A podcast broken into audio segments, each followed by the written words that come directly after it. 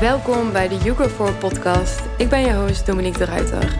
Deze podcast gaat over het actualiseren van innerlijke vrijheid en het belichamen van jouw hoogste zelf. En dit doe ik door de combinatie van wetenschap en spirituele lessen. Ik bespreek topics zoals neurowetenschappen, spiritualiteit, holistische gezondheid en persoonlijke ontwikkeling. Deze podcast is voor jou als je een diep verlangen hebt naar innerlijke vrijheid en wil leven vanuit jouw authentieke zijn. Let's begin.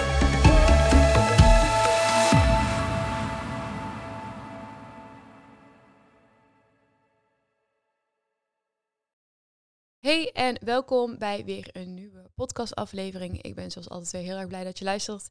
En ik heb vandaag een hele bijzondere gast, en namelijk Noelle. En Noelle is gezondheidswetenschapper. Uh, ze is op dit moment student uh, bij de opleiding orthomoleculaire therapie. Mm -hmm. Je bent ook momenteel bezig met uh, mindfulness-based cognitive therapy. Ja, die gaat bijna van start. Die gaat bijna ja, van klopt. start. Ja. En Noelle is mijn zusje. Tromgeroffel. En we dachten, ja, we moeten eigenlijk gewoon een keer een podcast opnemen. Want uh, ja, ik denk dat wij wel een beetje dezelfde mind hebben. En ook wel um, een beetje dezelfde karakter. Ik weet trouwens dat Roger was laat, mijn vriend was laatst in de sportschool. En toen zei hij dus tegen mij, ging ik naar de sportschool om jou een beetje te ontvluchten. Kom ik daar jou tegen, de kopie van jou. nou, hij houdt zich niet in, want um, ik was in de sportschool en Roger zei tegen mij... Kom ik Dominique ontvluchten? Ben jij hier? dus uh, ja, toen uh, taaide ik verdrietig af. Nee, grapje, het ging Ah, door. Het ging toen sloeg je me in het gezicht. en toen ging je door. ja, ja. Kan je iets over jezelf vertellen? Ja, ik ben dus uh, Noëlle de Ruiter en ik ben... oh, moet eens nadenken. 25. Je moet er ook altijd over nadenken. Ja, ja heftig hè? Ja, echt heel Intens. Uh, 25 en ik ben um, vorig jaar afgestudeerd uh, als gezondheidswetenschapper in Maastricht.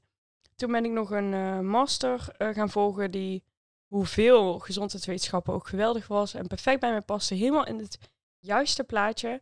Uh, zo paste de master absoluut niet bij mij. Dat was de master mental health, ook in Maastricht. Uh, en toen, uh, ja, nou ja, zo impulsief als dat ik en wij zijn, denk ik, um, klopte het gevoelsmatig niet. En uh, toen stond ik op het einde van de les op en ik zei tegen mijn klasgenoten, um, ja, nou, ik kom niet meer terug. ik ga me uitschrijven, want dit was het niet. Uh, en um, ja, toen deed ik voor de, voor de show nog even doen alsof ik er heel lang over na had gedacht, om het goedkeuring van mijn vriendje te krijgen. en die zei, je gaat niet stoppen toch? Dus ik keek hem met mijn puppy ogen aan en ik denk, ja, damn right. damn right. I will finish this up. ja, dus uh, gestopt. En uh, toen heb ik um, uh, lang nagedacht over orthomoleculaire therapie, want het voelde alsof ik in iemand zijn grote voetsporen moest treden, maar ook als een soort van naaper, alsof ik het niet beter wist.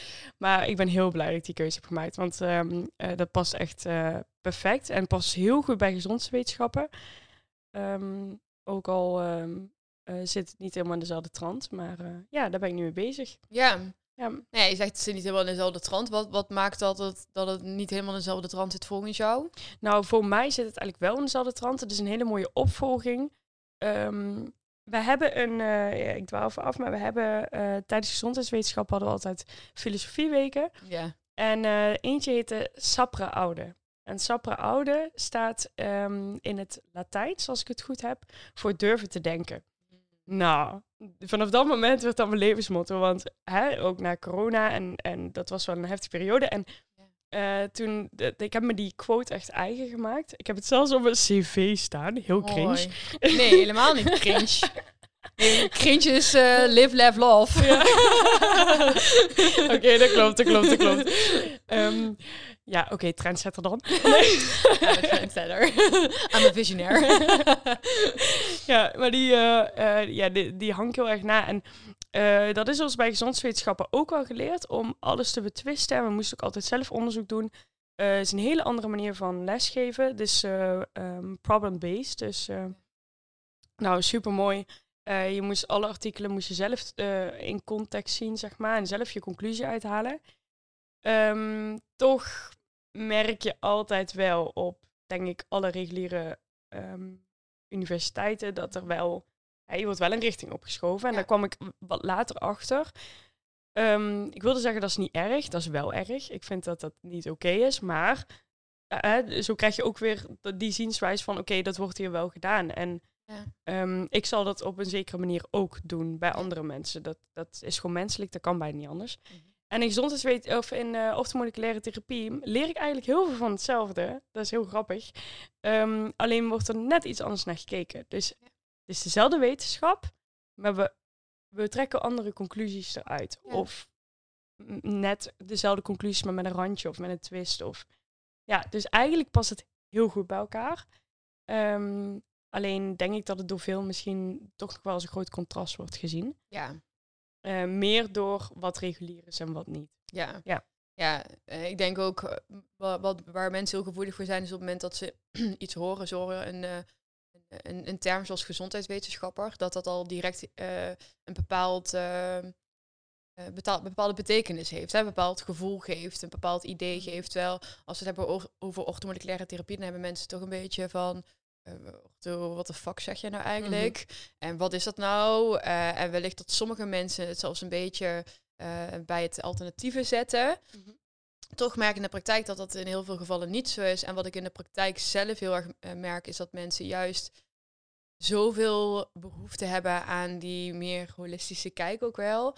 Eh, dat je ook echt meekijkt. En, en wat ik heel mooi vind aan de orthomoleculaire therapie, wat ik nog niet altijd zie in andere disciplines, is dat je echt de film bekijkt. Dus Mhm. eh, daar heb je het waarschijnlijk ook al over Ja, gehad, verwacht ja. ik. Hè, mensen komen ehm, bij, bij jou terecht. En op het moment dat ze dus bij jou in consult komen, dan heb je de foto. Dus dan heb je, weet ik veel, een, een chronische aandoening. eh, dan heb je een eh, fysieke klachten. Dan heb je vermoeidheid. Dan heb je darmklachten, whatever, hormonale klachten. En wat ik mooi vind aan de orthomoleculaire therapie en ook aan de PNI, die daar, wij doen een opleiding die daar dus aan verbonden is. Mhm. Ehm, dus de psychoneuroimmunologie, is dat ze dus gaan kijken, wat, is nou de film? Hè, want je komt hier misschien als 40-jarige aan, als 50-jarige aan, of, of als 30-jarige, of misschien wel als 15-jarige, hè, dat kan allemaal. Maar er zijn, eh, er zijn eh, de hele periode daarvoor speelt natuurlijk een enorme rol. Alleen al het feit dat wanneer jij ehm, wordt geboren en er zijn ingrepen gedaan, kan dat al een enorme rol spelen in de totstandkoming van bepaalde ziektes en aandoeningen.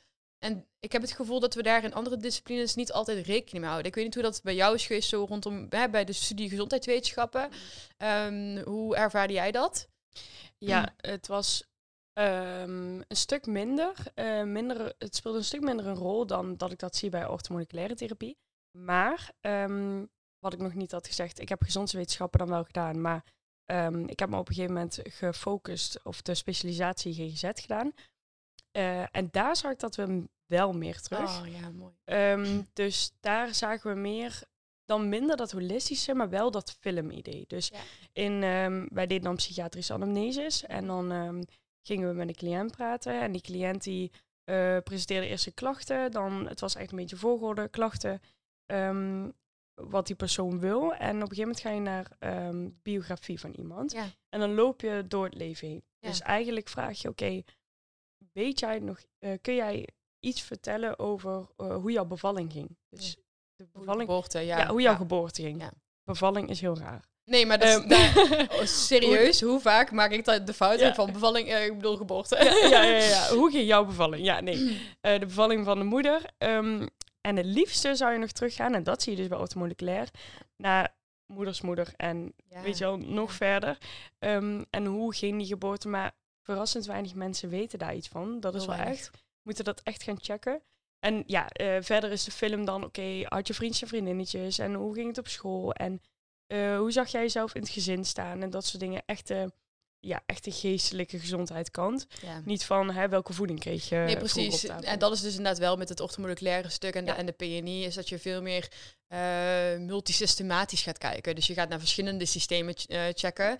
Ehm, en je gaat dus weer checken van, oké, welke systemen zijn er uit balans? Waar moeten we op kunnen werken? En het kan, zoals we inmiddels weten, zoals de wetenschap natuurlijk ook laat zien, is dat de darmgezondheid een enorme rol speelt in de totstandkoming van psychische aandoeningen. Ik meen dat jij daar ook... Heb jij niet, niet een keer een eh, soort van scriptie of... the- ja, Ja, ik heb een thesis geschreven over, ehm, ja, nou breek me de bek open hoor. Ehm, ik heb met deze... Wat was het ook alweer? ja, ja, nou, ik heb echt... Ik, ik meen het echt. Ik denk dat ik... ehm, eh, überhaupt van de drie maanden dat ik dat heb geschreven, dat ik een maand heb gedaan over de titel onthouden.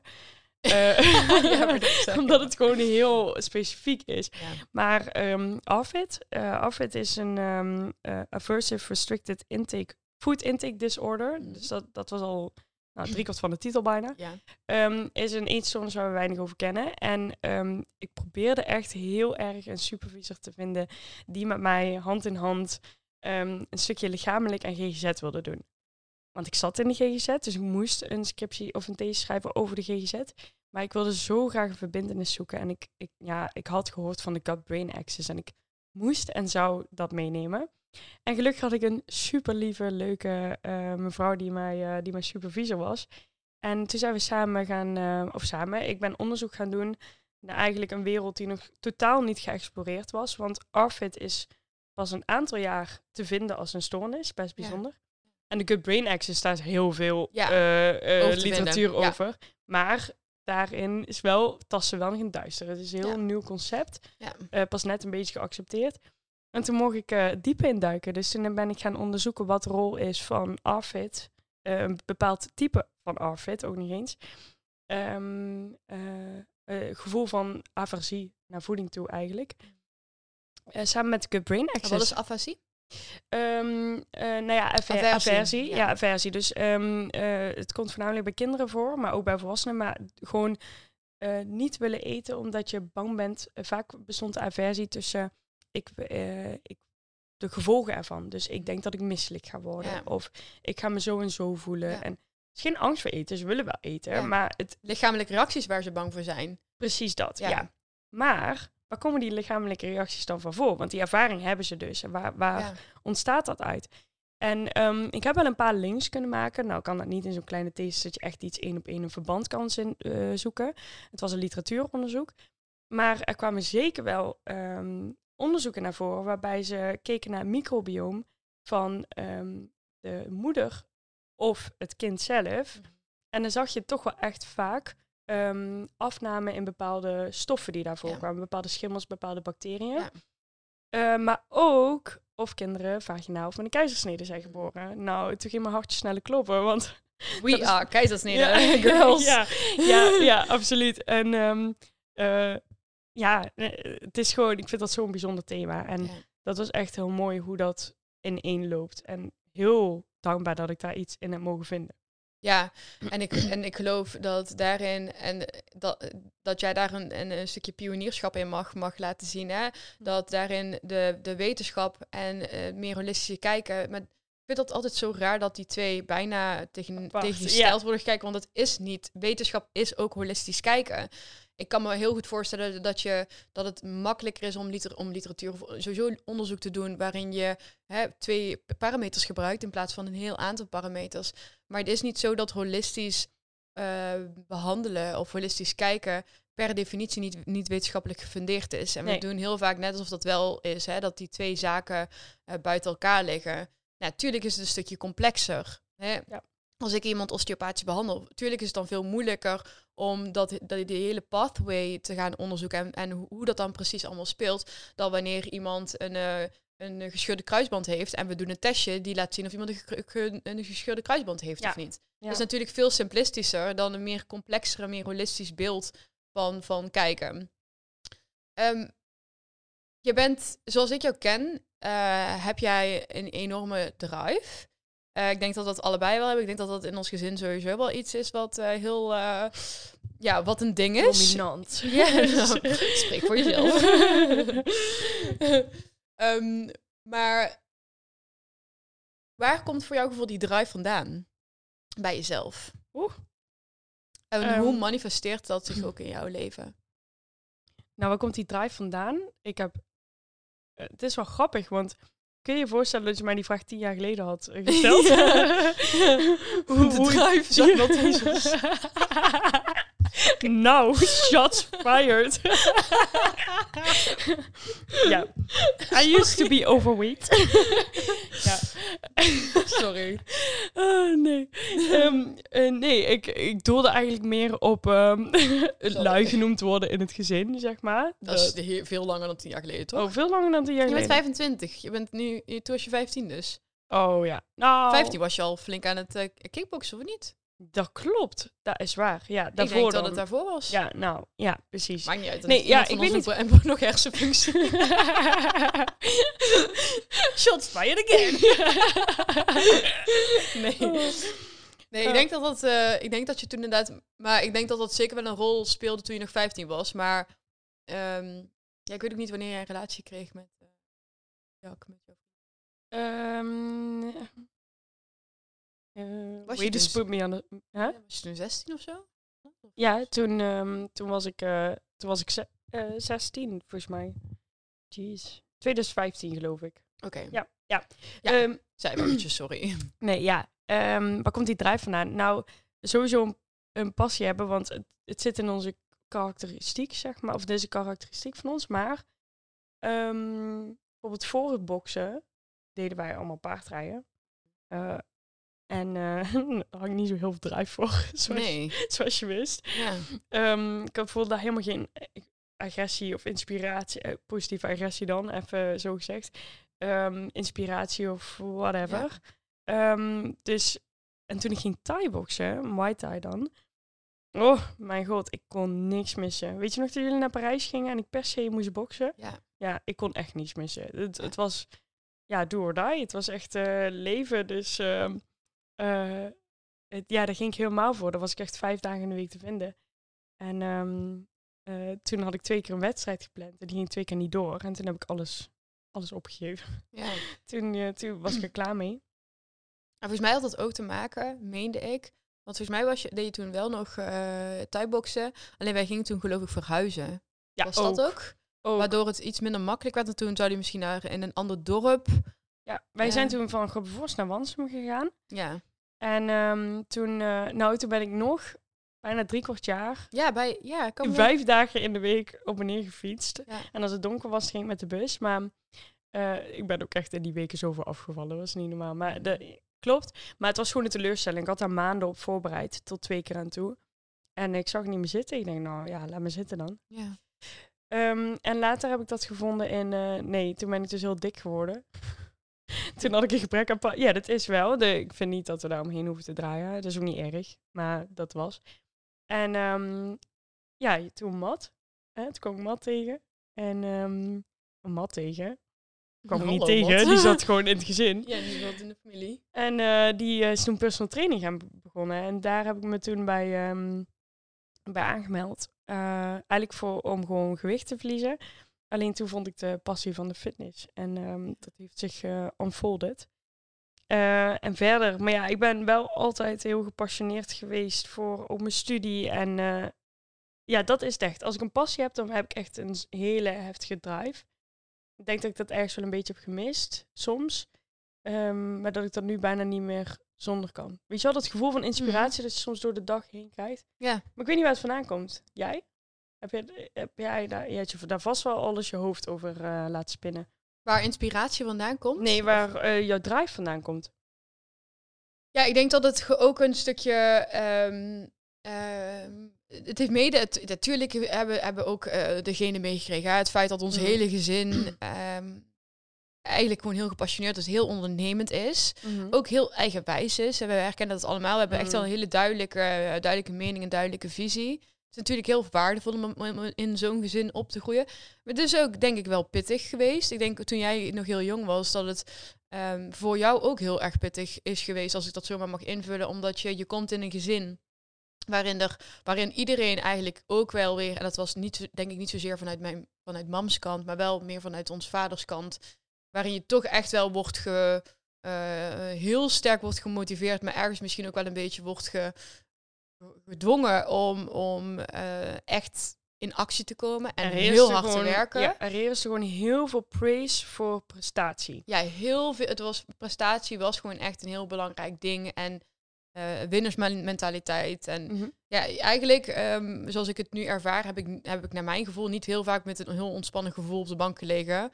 Vooral niet in de ochtend, want dat was vooral als je om acht uur 's avonds van stal afkwam en je ging dan op de bank liggen, dan had je zoiets van, oké, nu mag het ergens. Ja, ja, oh ja, dat, Ehm, dat herken ik. Wow, dat was ik bijna vergeten. ja, dus ik denk dat dat gewoon, ja, daar zit echt die winners, winnaarsmentaliteit in. En dan geloof ik ook nog wel dat er een stuk astrologie in zit en een stuk human design. En hè, dat, dat zie je Mhm. natuurlijk allemaal weer terug in, eh, in ehm, eh, ja, je, je of ehm, je human design chart. Waarin je dus ook wel kan zien van, hè, ben je een manifestor of manifestor generator? Nou, ik ben een manifestor generator. Dan heb je gewoon enorm veel energie. Mhm. En dan ben je ook wel iemand met een hele duidelijke visie en die gewoon shit moet creëren hier op aarde. Dus daarin kan je het soms ook wel herleiden. Ehm, en, maar ik denk dat die eerste jaren van onze opvoeding, waarin je toch een beetje in zijn. Ja, je wordt in een boerenfamilie geboren, groot gezin. We komen uit een, gezin met, eh, vier broer, met vier oudere broers. Er werd altijd gewoon heel hard gewerkt. En dat was gewoon het narratief waarin wij zijn opgegroeid. En Ja, en daarin was het, nou wel heel modern trouwens. Daarin was er ook geen onderscheid tussen de jongens en de meiden. Wel in de zin van, Ja, de jongeren. En, de- ja, en ook het de kon. jong. Wij waren natuurlijk wat jonger. Ja. Dus daarin werd natuurlijk ook wel wat, soms wat rekening gehouden. Ja. maar inderdaad, ik weet, ik weet toch wel dat, ik weet niet hoe oud ik was, maar het zal wel een jaar of acht. En ik vond het heerlijk hoor. Ik ben er heel dankbaar voor dat je, weet je wel, beland stond preitpoten mee. Ja. Maar ja, je bent ook nog heel erg kind, dus je, je, Ja. je leidt snel af. En wij, wij stopten elkaar duizend keer per dag met het gezicht in het zand, omdat we ruzie hadden. en dan hoorde ik even, vooral Dominique mij, maar... maar ja, ik was ook drie jaar ouder. Mijn brein was al gewoon iets verder. Dus ik denk van, als ik gewoon super manipulerend ben, dan krijg ik wat ik wil, weet je wel. dus dat had mijn brein al uitgevonden. Maar, en dan hoorde je, weet je wel, de jongens die waren dan een kilometer verder. Die hadden al heel hard doorgewerkt. En dan hoorde je opeens een van die ehm broers stemmen. Hey, Ja. backstory! en dan stond je, ah. Oké. Ja, maar ik moet wel zeggen, ik, ben, ik had nooit iets anders gewild. Ik zou nooit ergens anders voor wensen. Het is perfect. Nou, ook gewoon meer in de zin van, ehm, niet wat alles was leuk, Ja. tuurlijk. Maar ja, leuk is ook maar leuk. Wat hebben we Ja. aan leuk? Ja. Eh, Leeg leuk. ja, leeg leuk. Ja. Ja. zo van, ja, ik, ik weet niet of ik erop terug zou, anders op terug zou willen kijken. Nee, het- het- en dat is het ook. Hè. We hebben het natuurlijk, wij hebben het er vaker over gehad dat heel vaak mensen zeggen van ehm, doe eens rustig aan. Of eh, neem je Ja. rust. Of eh, ga dit doen of ga dat doen. Of waarom moet je nou zoveel werken? Of waarom moet je nou dit zoveel doen? Terwijl eh, als ik kijk naar onze energielevels, dan hebben wij en de energie om gewoon heel veel voor elkaar te krijgen. Ik denk dat dat soms ook wel mensen ergens een beetje spiegelt. Of misschien ook wel confronteert van, oh joh, eh, hè? Mhm. Eh, heel veel energie die andere mensen misschien niet, niet per se altijd ervaren. En het feit dat wij ook gewoon zijn opgegroeid eh, met discipline. En ik denk dat discipline gewoon in onze maatschappij tegenwoordig dat dat echt wel een discutabel onderwerp is. Want Ja. enerzijds willen we, eh, willen we heel veel succes en roem en geld verdienen en willen we van alles. En anderzijds hebben we gewoon hebben heel veel mensen de discipline niet om, om dat voor elkaar te krijgen. En dan zijn we heel snel geneigd om te zeggen van ja, maar ik manifesteer die shit wel. Tuurlijk, je mag het ook manifesteren. Ga die practices doen, ga die meditatie doen, helemaal prima. Maar je moet gewoon wel met je reet van die bank afkomen Ja. en, en dingen gaan doen en, Ja. en, een, en discipline eh, verkrijgen. Soms dan heb ik het idee dat, dat we net doen alsof discipline een beetje zo'n oudbollige term is die alleen voor opa's en oma's geldt. ja. Ehm, maar ik geloof niet dat we zonder discipline ook daadwerkelijk onze dromen kunnen eh, behalen, kunnen Nee. manifesteren, toch? ja, absoluut. Nee, ik hoor ook heel vaak... ehm, eh, ik ga daar ook niet meer te veel op in, want ieder mens heeft zijn eigen... als mensen dit zeggen bedoel ik, ieder mens heeft zijn eigen ehm, prioriteiten en energielevels en dat is allemaal prima. Maar hoe vaak ik hoor... ehm, ja, ik heb daar echt de tijd niet voor. En nee, ik Oh. ik probeerde het goed te doen, maar Ja. Ehm, dan, dus dan, dan gaan mensen zelf, ik ga daar verder niet naar vragen, maar dan gaan mensen zelf hun dag doornemen. En dan hebben ze gewoon, eigenlijk waar het op neerkomt, is dat ze 9 tot 5 hebben. Mhm. Zonder kinderen. Mhm. En no judgment. Maar ik denk wel. Ja. Nee, maar ehm, dat is prima. Maar Ja. mensen, wat mensen daarbij pakken, is dat ze zeuren over dat ze die tijd niet hebben. En, oh, ik wou dat ik dat dat kon. kon doen. Mhm. En dan denk ik, ja, het is niet alsof ik de hele dag vrij heb. Ehm, daar moet je tijd voor maken. Ja. En ehm, ja, ik ben echt een zakker voor hè, die, die die no mercy video's die, je Ja. die je op Insta ziet en zo. Dan Ja. Stuur me dat 20.000 per dag en dan kijk ik ze allemaal. Ja, zo'n motivational, even voor de luisteraars, zo'n motivational eh, video's en eh, audio's en Ja, maar wel de tough love. ja, de Eh, tough love. Niet de... Ehm, eh, ik heb liever dat ze me ongemakkelijk maken. Mhm. Zo van, shit, ik zou echt meer moeten doen op dit Mhm. moment. Eh, dan dat, ik, dat dan iemand zegt van, hé, hey, je doet het goed hoor. Ja. En tuurlijk, maar dat, dat wil ik mezelf zeggen. En dat wil ik voelen, dat wil ik ervaren. Heb ik niet van iemand anders nodig. Wat ik wel van iemand anders nodig heb, is zien dat het altijd nog... Hè, je kan het nog beter, je kan nog meer geven voor iets. Als het maar een passie is. En als je alles doet vanuit pure passie, dan raakt je energie ook niet op. Want die passie uitvoeren, je geeft energie terug. Ja. En je geeft het weer terug naar passie en weer terug aan jou. Dus dat blijft zo door en door en door en door en door gaan. En zo kun je ook flink. Als ik ehm, nu alleen een 9 tot 5 zou hebben, wat ik trouwens ook gedeeltelijk heb, Mhm. ehm, ik voel me door die dag heen, omdat ik zit dan een beetje aan huis geluisterd, ik kan niet weg in die zin. En ik voel me door die dag heen ook een beetje. ehm, het gaat allemaal wel goed en ik vind het leuk, maar ik moet vooruit met de geit. En dan denk ik aan trainen en aan iets voor mijn onderneming doen en weet ik veel. En dat is wat je gas geeft voor het geld verdienen wat je nodig hebt om dat te doen. Mhm. Maar inderdaad, eh, doe eens rustig, doe eens rustig, doe eens rustig. Ja, ik word daar, ehm, ja, Ja, en ik hoor dan, ik hoor dan ergens een stemmetje hè, waarvan van iemand die zegt van, oh, dit is zo eh, overduidelijk eh, trauma gerelateerd vanuit, vanuit je jeugd, hè? ja, ja, ja, ja. Ehm, kan je eens, ja, wat is, wat is jouw perspectief daarop? Wat is jouw visie daarop? Nou, we hebben één groot, wat ik, één groot ding wat ik in de ehm, GGZ heb geleerd, is als jij geen last van hebt, dan is er niks aan de hand. Dat is. En dat zie je iedere keer terug. Als jij, ehm, eh, kijk, natuurlijk met lichamelijke schade. Kijk, als jij zegt, ik heb geen buikpijn, maar je hebt een eh, ontstoken blinde darm, ja, hè, moeten we iets aan doen. Maar in de GGZ is het zo dat iemand kan wel ehm, eh, borderline hebben. Heb jij er geen last van? En over het algemeen de mensen om jou heen, dan moet het wel serieus zijn, maar mensen om je heen ook niet echt. Er is geen probleem. en ehm, dat geldt ook zo voor mensen die, eh, dat merk ik ook trouwens zelfs ook in de opleiding gezondheidswetenschappen, maar ook in de opleiding orthomoleculaire therapie. Als mensen horen wat je allemaal doet, ehm, voor mij geldt dat vaak voor op het geval, op het geval van trainen, sport. Ik vertel dat met uiterste passie en ik zie altijd hè, eh, ongeveer de helft van de mensen die zeggen van ja, een beetje verslaving of niet. En ik denk, nou, ik kan geen betere verslaving wensen. en ik snap het. Voor sommige mensen komt dat echt zo over als iets schadelijks. Maar eh, ja, ja, hoe schadelijk kan het zijn? En ik merk dat ik mezelf vaker moet verantwoorden om waarom ik dat wel doe, dan dat ik me zou moeten verantwoorden als ik elke avond op de bank ga liggen. Hmm, echt. En dat vind ik zo bijzonder. Zo fucked up eigenlijk. Zo bijzonder. We zijn, we zijn eh, vooral in het geval van trainen, hè, we zijn evolutionair gezien, zijn we gewoon ingeprint dat wij moeten bewegen. Dat is gewoon. Ja. Eigenlijk moeten we gewoon bewegen. We moeten met die reet van, van die bank afkomen en gewoon de dingen gaan doen. Eigenlijk bijna alle zware activiteiten zijn al weggehaald, want we hebben allerlei tools, we hebben allerlei hulpmiddelen, we, we hoeven nergens meer naartoe. Dus in principe is dat al één. Dus wat we, nou ja, dan eh, sommige mensen die zeggen van, nou ja, oké, dan ga ik eh, twee keer in de week sporten. Perfect, helemaal prima. Eh, maar je kan jezelf ook afvragen, is het dan, is het dan echt zo erg dat ik twee keer, in, twee keer op een dag beweeg? Hè? Ja. Cardio en, en kracht. Of Ja. dat, ik, dat ik iedere dag 10 kilometer wandel. Ik heb een, onder behandeling een, ehm, een marathonrenner. Hij is nu volgens mij inmiddels 65 jaar oud. En hij wint nog steeds eh, mega vaak met de marathons. Niet. En hij, ik, ja, ik, ik, zou, ik zou liegen als ik zou zeggen hoeveel kilometers hij per, per eh, week rent. Maar hij rent iedere dag en hij doet twee keer per week kracht. Ik heb ook nooit iemand gezien die zo vitaal... Hij, hij, hij, hij heeft die marathon gerend.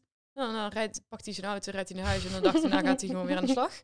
Alsof het niks is. En dan vraag je je echt af, hoe dan? Ja. Die, die man eet twee keer om een dag. Die eet in de ochtend en in de middag. Eet s'avonds niet. Eet over het algemeen vegetarisch.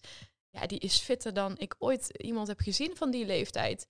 Dus z- eh, zijn, zijn wij het die, die uit balans zijn? Mm. Of is het de maatschappij die volledig onnatuurlijk en uit balans is? Nou, even, naar mijn mening 100% de tweede. Dat kom je toch overal in tegen. Als jij nu eh, ik denk dat als de meeste vraag, mensen vragen, wat vind je van jou? Hè, dan heb ik het even over jouw voedingsstijl. Ja. Dan zullen de meeste mensen zeggen, ja, maar die is constant aan het diëten. Dus ehm, je hoort vaak dat ehm, als je zegt van nee, ik hoef dit niet, dat iedereen zegt, ben je op dieet? Het is grappig dat het gezonde eten de uitzondering is geworden van normaal eten. En normaal eten is Fucked up is gewoon... eh, alles wat los en vast zit. Ja. Gewoon chappen. Ja. Schijf van vijf. Jongens, schijf van vijf. ja, ja ik- en ik vind dat zo. ehm, ik heb ook, eh, oh, dat was laatst, toen was ik in de sportschool. Ja, veel van mijn leven speelt hier af. en ehm, iemand die was over eh, ontbijt aan het vertellen. Van, want die ochtends zat, ja, mensen praten nou helemaal lekker graag en dat is allemaal hartstikke prima. Dus ik gezellig met die meneer over, eh, over het ontbijt van hem vanochtend gepraat. En ik was gewoon heel instemmend. Ik ga ook niks opleggen. Ik, wil, ik ga hem niet mijn mening verkondigen tot Nee. jij erom vraagt. Ja. Dat is allemaal prima. Ehm, dus die zegt van... eh, en ik zat heet van, ja, ja, ja, oké. Oh, ja. Oh, is dat? En ze zei die, ehm, ja, hoezo? Heb jij dat niet dan? Ik zo, ja, weet ik niet. Ik, ik, om, ik ontbijt doorgaans niet, dus ik eet meestal rond een uur of twee. Nou, die meneer, ongeveer rond de 50 denk ik, die kijkt me aan, die zegt...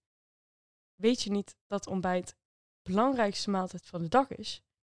Dus ik zo... Nee.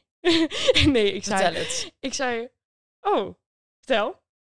Nou, pure error. Het was gewoon, ik, Error. Ik, ik zag een blank beeld. Het was helemaal, hij zo, ja. En dan krijg je altijd, deze vind ik zo mooi.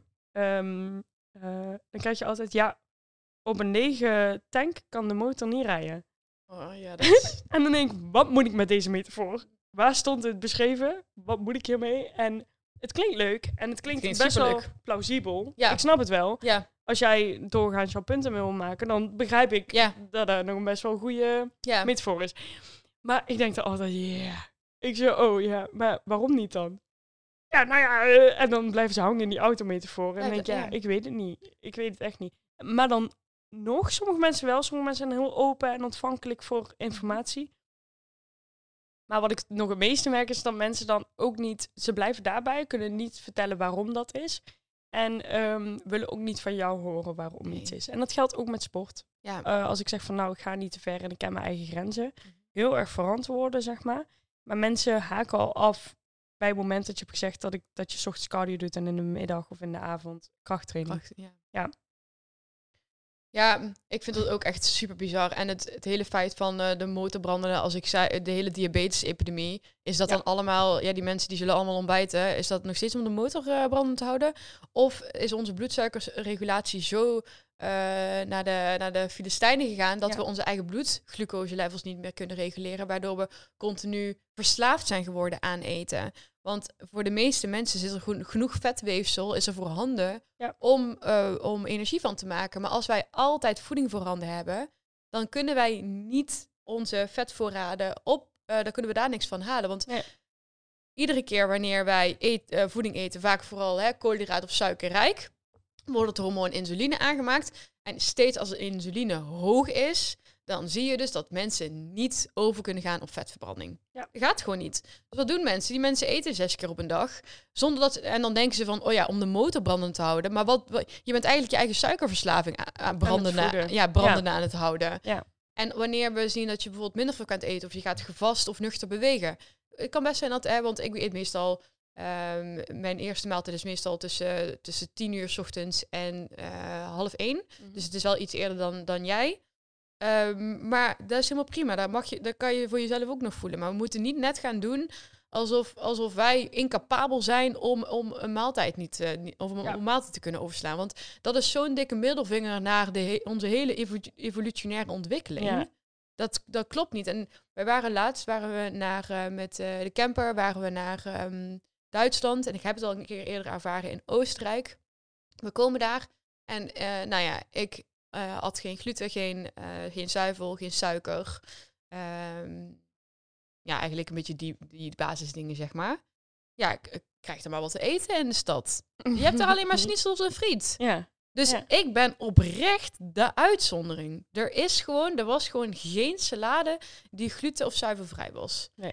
En eh, daar hebben we nog zelfs naar restaurants gekeken waar er überhaupt salades waren, want er waren bijna nergens salades. ja, dat zie je ook Moet niet je nagaan. Ja, wij hebben dus iedere keer lekker bij de camper gekookt. Maar het, het is toch te belachelijk voor woorden dat, dat gewoon fatsoenlijk eten. Gewoon lekkere salade, gevulde salade met, met, met voeding die niet allemaal uit pakjes en, en potjes en, en bakjes komt. Dat we dat gewoon niet meer serveren.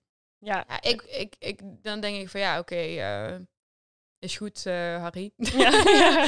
Wat een bullshit. wij, wij, zijn, eh, wij, wij komen net terug, ook terug van vakantie. En ik ben met ehm, ehm, mijn vriend, Jak, en eh, twee vrienden, een ander stelletje, ben, zijn we op vakantie geweest. We gingen door Oostenrijk naar ehm, Kroatië en toen München. En zoals je weet is Jak een liefhebber van iedere dag gewoon kip met rijst. Ja, echt-. Die jongen die leeft op kip, met rijst. Ja. Ook de enige persoon die het lekker vindt om een soort van hè, zo'n Kip met rijstdieet te hebben. ja, zo'n kip met rijstdieet te Ja. hebben. En liefst zoveel mogelijk- Ja, ja, hij geniet er echt van. Die jongen kun je daar heel blij mee maken. Nergens.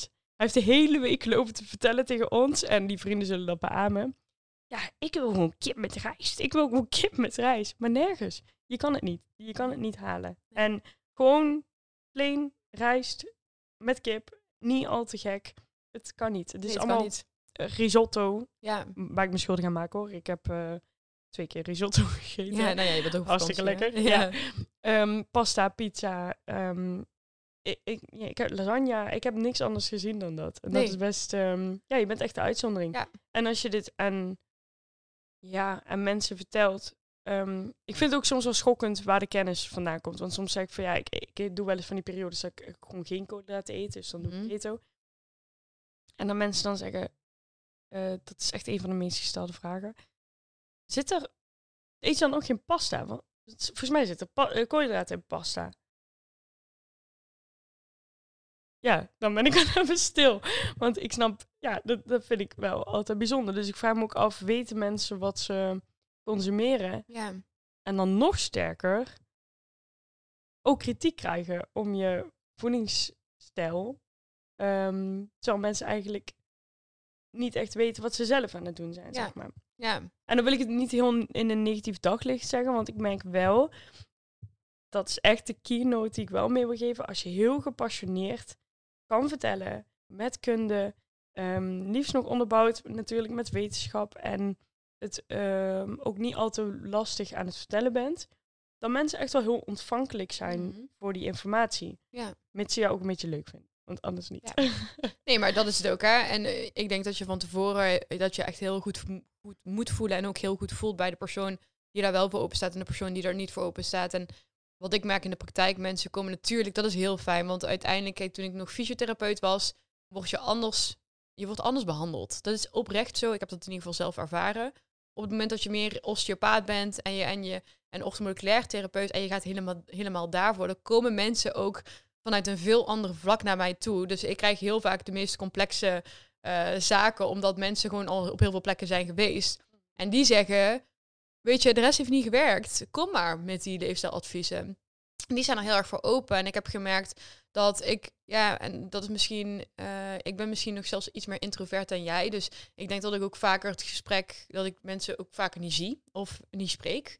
Eh, pas als mensen echt nou, daadwerkelijk naar mij te komen. Dus Mhm. ik heb dat iets meer, denk ik, aan. Maar ik weet niet of je dat beaamt of dat dat wel meevalt. Ja, nee, dat, dat, dat, toen je net ook zei, ik ben misschien iets introvert, dacht ik, oh, Oh nee, het is Nee. niet opgevallen. Nee, nou, nee, oké, nee, nee. dan eh, maakt het niet uit. Maar, ehm, dus ik ervaar het nu ju- vaak juist heel positief. Dat er eigenlijk gewoon heel... Maar het is ook een beetje de kring waarin je inderdaad zit. En ehm, ja, eh, buiten dat is het natuurlijk wel dat als mensen dat voor de eerste keer horen, dat ze echt even...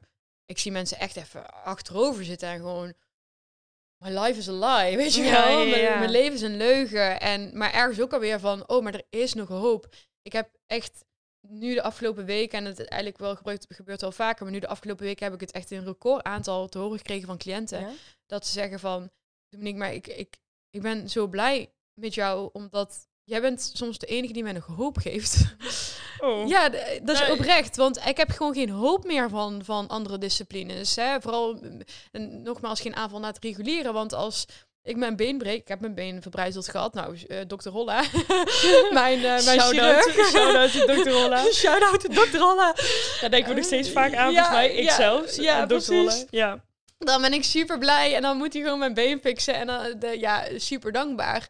Maar ja, want er was 50-50 dat jij je been zou verliezen, toch? Ja, Zoals ik het begreep, eh, ja. Wat, wat ik meende was dat het er niet goed uitzag. Nee. Maar hij heeft het wel gewoon even lekker kunnen fixen. En dan Ja, denk ik van, ja, top. absoluut. Maar voor chronische aandoeningen, het zegt het al, hè, bij chronische aandoeningen, ontstekingsaandoeningen, denk ik van ja, laten we die brug ook vooral gaan maken. Want regulier heeft niks, heeft niks te horen gekregen over, over voeding en leefstijl en holistisch kijken. Ja. Dus als we dat kunnen combineren, hè, dan is het ook veel makkelijker en dan kunnen we die mensen ook samen behandelen. Want er Ja. is ook helemaal niks mis met die kant van ehm, Nee, wetenschap en medische hulp. Alleen Nee. ze zijn er gewoon op gebouwd om zoveel mogelijk mensen in een korte periode te helpen. Ja. Ehm, vaak symptoomgericht te helpen. En dat is logisch. Als je ziet hoeveel mensen er in Nederland chronisch ziek zijn, hoeveel artsen we daarvoor tegenover hebben eh, en hoeveel andere disciplines. En ja, laten we eerlijk zijn, voor ons vak wat we uitvoeren, eh, hebben we gewoon heel veel tijd nodig. Het is een intensieve begeleiding die een huisarts Niet, kan, bieden. Nee. En dat is prima. Die mensen hebben we nodig voor andere diagnostiek. vlakken. Ja. Diagnostiek, Of eh, doorverwijzing, ja. ja, quick fixes soms ook wel. En Ja. dat is ook prima, want soms heb je die ook nodig. Als dat echt ook een quick fix blijft en niet voor Precies. lange termijn. ja. En, maar daarin wil je heel graag mensen stimuleren om naar wat dieper te kijken. Maar dat is voor veel mensen wel een spannend punt. ja, het is heel spannend. En, en kijk, als je in deze wereld zit, dan, dan lijkt het alsof heel veel mensen al heel veel doen met voeding. Maar kijk je naar de buitenwereld en ga je de gemiddelde supermarkt eh, inlopen. Ja. En ga je mensen vragen over vetten, koolhydraten en eiwitten. Of ga je mensen vragen over intermittent fasting. Of over meditatie of mindfulness. Nou, mensen kijken je schil aan en denken van, Ja. "Eh, wat heb jij gebruikt, meid? Ja, ja. Ja, en dan zijn we ook niet heel, eh, wat je zelf ook zal merken, dan zijn we ook niet heel enthousiast. Dat heb ik zelf heel vaak. En ik wil eh, dingen vertellen en niet om iemand over te halen. Ik wil het gewoon vertellen, want eh, trouwens, ik krijg ook vaak de vraag, vooral mijn werk ook. ehm, als ze dan merken dat ik al de hele dag, de hele ochtenddienst bijvoorbeeld niks heb gegeten. eh, of weet ik het, of ze hebben gezien dat ik een pagina heb geopend. Klaar Holos 1111.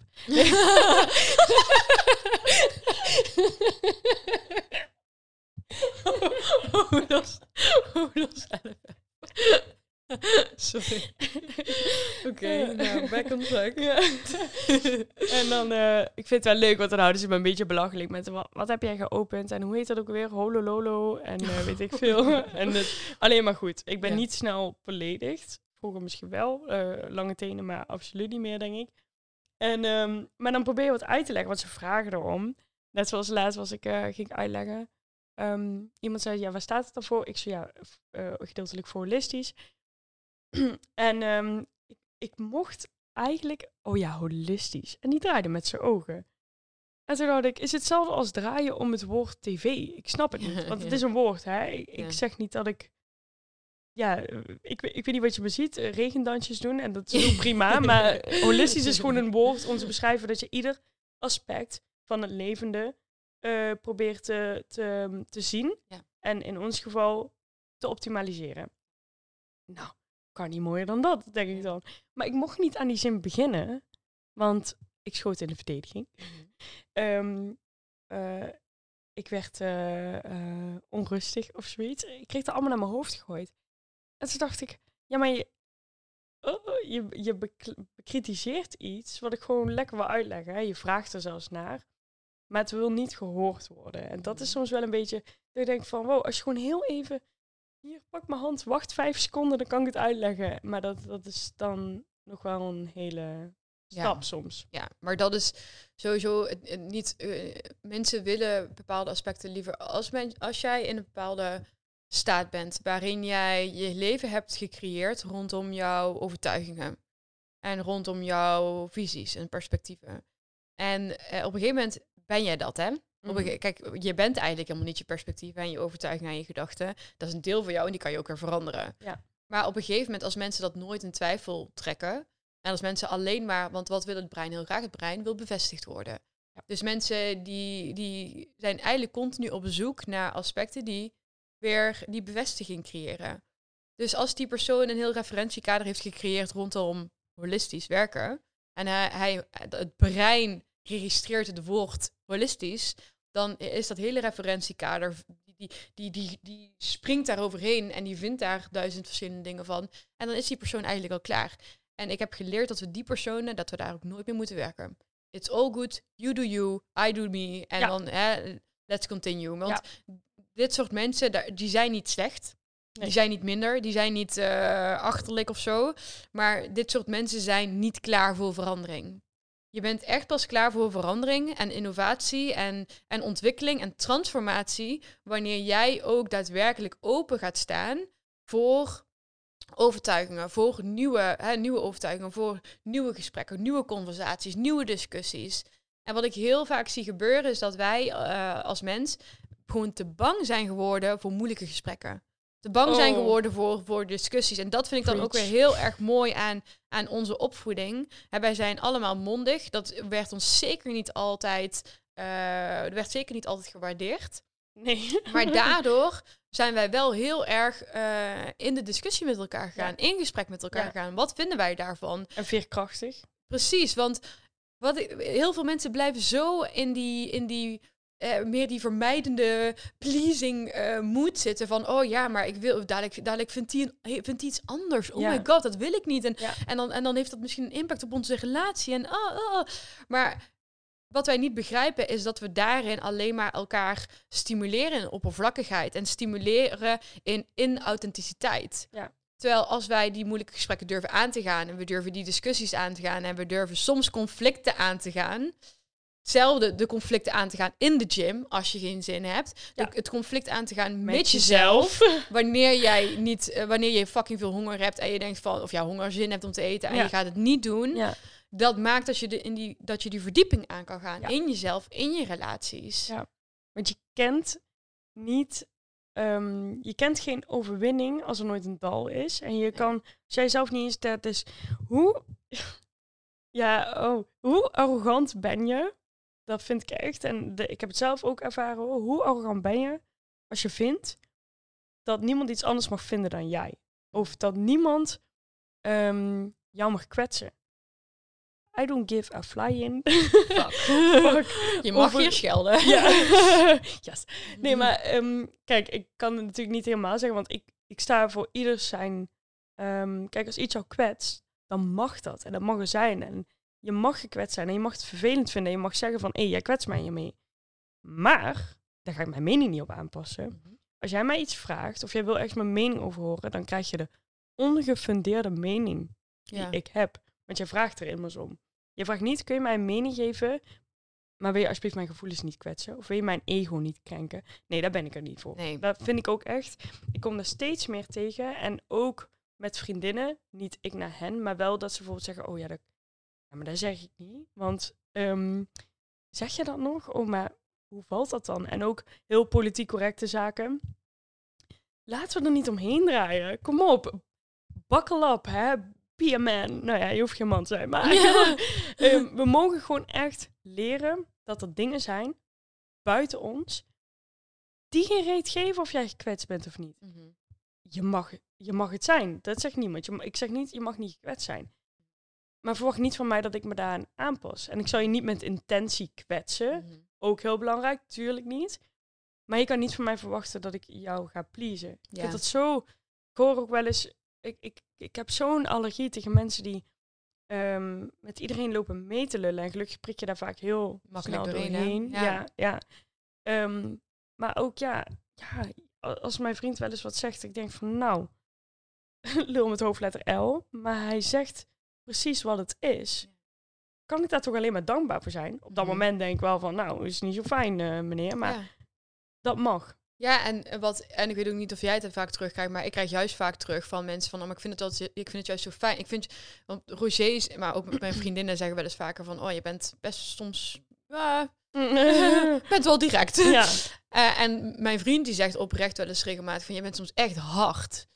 En het is helemaal niet mijn intentie om hard over te komen. Ik vind dat daarin de, het respect naar, naar de ander, eh, vind ik heel erg belangrijk. Want uiteindelijk ook de Tuurlijk. mensen, hè, de mensen die, die ons prikkelen en ons triggeren, zegt ook vaak iets over ons. Mm. Eh, maar we moeten daarin ook wat meer, wat mogen de empathie ook naar die mensen hebben van, oké, hè, mogelijk zijn het ook oude pijnen die gezien mogen worden. Dat is één. Maar dat wil niet zeggen dat, dat, dat ik daar op, op ehm, dat ik op basis daarvan mijn mening of mijn perspectief moet veranderen. Of dat ik het mooier moet maken. Nee. En dat zien we natuurlijk in de maatschappij wel gebeuren. Dus we maken het allemaal mooier. We, pakken het allemaal in cadeautjes en leuke dingetjes. Waardoor heel veel mensen ook gewoon totaal die, zeg maar, die, die eh, gevoeligheid voor gekwetstheid, die is zo enorm hoog geworden. Ja. Dat eigenlijk maakt niet uit of je nou kwetsende dingen zegt of niet. Mensen zijn toch wel gekwetst. Ja. En ook daarin moeten we dan, moeten we dan nog min, moeten dan nog meer gaan nadenken over hoe we dingen formuleren. Moeten we ervoor zorgen dat we nog meer zachte woorden gebruiken met nog een fijnere, zachtere, zwoelere stem in een nog, nog minder eh, defensieve en liefdevolle houding. Ja. Of moeten we mensen gaan leren dat jou je tolerantie van gekwetstheid moet gaan verhogen? Hetzelfde als jij je tolerantie voor hè, honger moet gaan verhogen Ja. en voor stress. Wij kunnen de stressoren van de maatschappij kunnen we niet uitzetten. Dat, dat gaat niet. Nee. We kunnen onszelf wel weerbaarder maken. Precies dat. Ook met gekwetstheid. Ja. We kunnen niet alle mogelijk... Want de hele wereld is zo divers. En maar goed ook. We hoeven niet allemaal dezelfde persoon te zijn. We hoeven niet eigenlijk een of andere eh, genderneutrale AI-robot Nee. te worden. Nee. Eh, verder niks tegen genderneutraliteit of tegen AI. maar we, we hoeven niet allemaal hetzelfde te worden. We moeten juist de meest authentieke eh, expressie van onszelf belichamen. Met respect naar de ander. Ja. Maar goed, daarin zit een stukje weerbaarheid en discipline. Wel, is daarin wel weer heel erg belangrijk. Want als we allemaal totaal onweerbare, hulpeloze wezens zijn. Ja, dan snap ik dat als ik zeg van nou, ik vind de kleur groen mooi. Dat je helemaal gepikeerd bent omdat jij, omdat jij de kleur blauw mooi vindt. Ja, ja. Eh, waar, waar, waar hebben we het dan nog over? Ja. Ik denk juist dat we weer ehm, moeten we nog liever gaan worden of nog maar op onze woorden gaan letten. Nee, tegenovergestelde. We mogen weer. We zijn zo'n kwetsbaar, ehm, kwetsbare generatie geworden. Wij willen dat de realiteit zich aanpast aan onze gevoelens. Ja. We do not give up. ja, het kan niet. Het is andersom. Er is een realiteit en jouw gevoelens zijn bijzaak. Jij mag, die gevoelens mogen zijn, maar je mag er niks om laten veranderen. De- eh, beide is er nou eenmaal. En het is heel. ehm, ik vind, eh, je, je wordt gewoon, er ligt gewoon bijna een sensor op wat je zegt. Mhm. Terwijl ik denk van ja, zo gaan we het alleen maar heftiger maken en heftiger maken. En het kan niet zo zijn dat je andere mensen laat aanpassen op jouw overtuigingen. Want wie ben je dan nog? Ja, En wat heb je daaraan? Dat is ook nog eens iets. Hè? We, we laten andere mensen ehm, ons gevoel van eigenwaarde afhangen. Terwijl als jij dat nodig hebt, ja, dan zit het diep hoor. ja, Dan, precies. dan Ja. zit het laag. En dat is wat we hebben gecreëerd. Ja. Dus jij moet je eigenwaarde kennen. ehm, weten dat je gekwetst kan worden. Maar jij, jij weet wie je bent, heb je mij niet voor nodig. Als ik nu zeg, je haar zit stom. Dan, dan, en jij vindt je haar mooi zitten, dan... Ja, wat boeit jou mijn mening dan? Ja, en daarin ook wel, hè, wat, wat ik eh, straks al zei, is denk dat het daarin wel heel belangrijk is. Want wat ik ook vaak zie, bijvoorbeeld in de politiek zie je dat vaak, is dat er dan zo'n ehm, ja, ongefundeerde eh, kutopmerkingen worden gemaakt. Eigenlijk populistische opmerkingen worden gemaakt. Puur om, om een soort van ego-streling te krijgen en puur om de ander te kwetsen eigenlijk. Ja. En daar ben ik het bijvoorbeeld alweer niet mee eens. Ik denk dat, eh, kijk, we moeten allemaal een bepaalde mening en visie hebben. Dat is heel erg goed. Laten we er ook vanuit, of laten we er ook op, op hameren dat we, dat we elkaar wel gewoon echt met respect moeten behandelen. Tuurlijk. Want dat is ook eh, dan de, de. Daar heb ik een keer een artikel van gelezen. Hè, de, de vrouwen die, die, die komen dan op voor de vrouwenrechten, maar dan mogen vervolgens geen donkere vrouwen aan meedoen. En dan is er de donkere vrouwen die, die, die gaan dan weer protesteren, maar dan mogen vervolgens geen lesbische vrouwen aan meedoen. Mhm. En dan zijn er weer lesbische vrouwen en de- daar mogen vervolgens weer geen, eh, weet ik veel, aan meedoen. ja. Kijk, als wij, als wij vanuit hypocrisie gaan, gaan handelen, ehm, dat is natuurlijk niet oké. Als we puur gaan handelen van ja, ik een beetje asociaal van ik heb een mening, je hebt er maar naar te luisteren. Ja, dat, dat is ook niet oké. Je, hebt, je hebt natuurlijk samen te leven met andere mensen. Dus het is goed om bepaalde discussies aan te gaan en gesprekken aan te gaan. En aan de andere kant is het inderdaad wel zo wat jij, wat jij ook heel mooi zegt.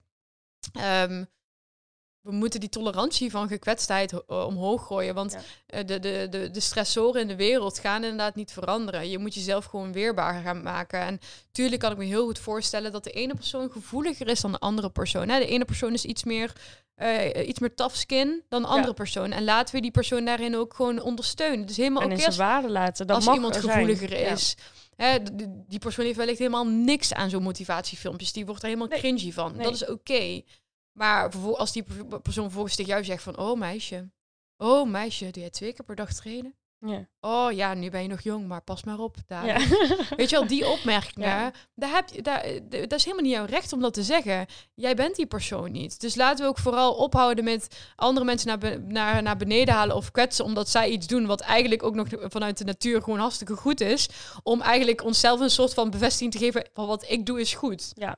Want dat is gewoon niet oké. Ja, en ik vind het ook oké als mensen. Dat, dat is dan ook, hè? De, ja, practice what you preach. Dus als mensen mij tegenwoordig ehm, iets anders vertellen, ja, be- het. Kijk, vroeger kon ik nog wel eens echt in de verdediging schieten en zo. En als jij een uitleg wil, dan kun je die nu nog steeds krijgen. Maar ik denk, ja, ik voel me er happy door. Ik loop vlieren fluitend door het leven op dit moment. Ik, Ja. ik zit bomvol energie, inspiratie. Ik heb er zin in. Eh, ik ben blij. Alles, alles is aligned, zeg maar. Alles Ja. doet het goed Ja.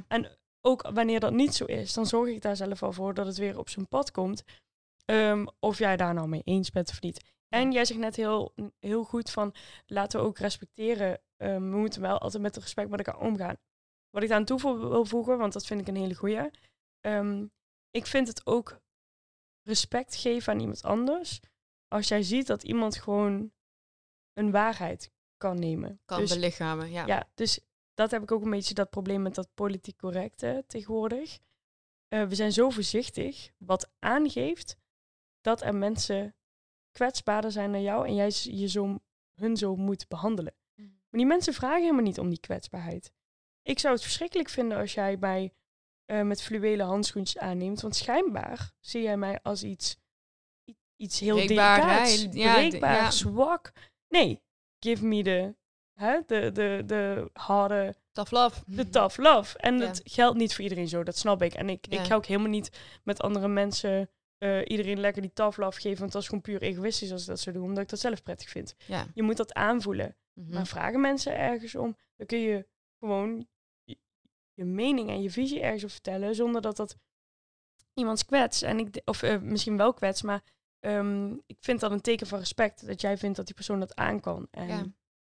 dat hij dat mag weten. Ja, en het, het zegt natuurlijk ook iets over de, de wijze waar, of de mate waarin wij nog authentiek kunnen verbinden met elkaar. Hè? Als, wij, als wij ons zo gaan aanpassen aan eh, de, de, de mensen om ons heen, eh, of, of eh, wel, de, de- misschien wel de cultuur die wij creëren, dan doet dat natuurlijk ook iets met de wijze waarop wij authentiek met elkaar kunnen verbinden.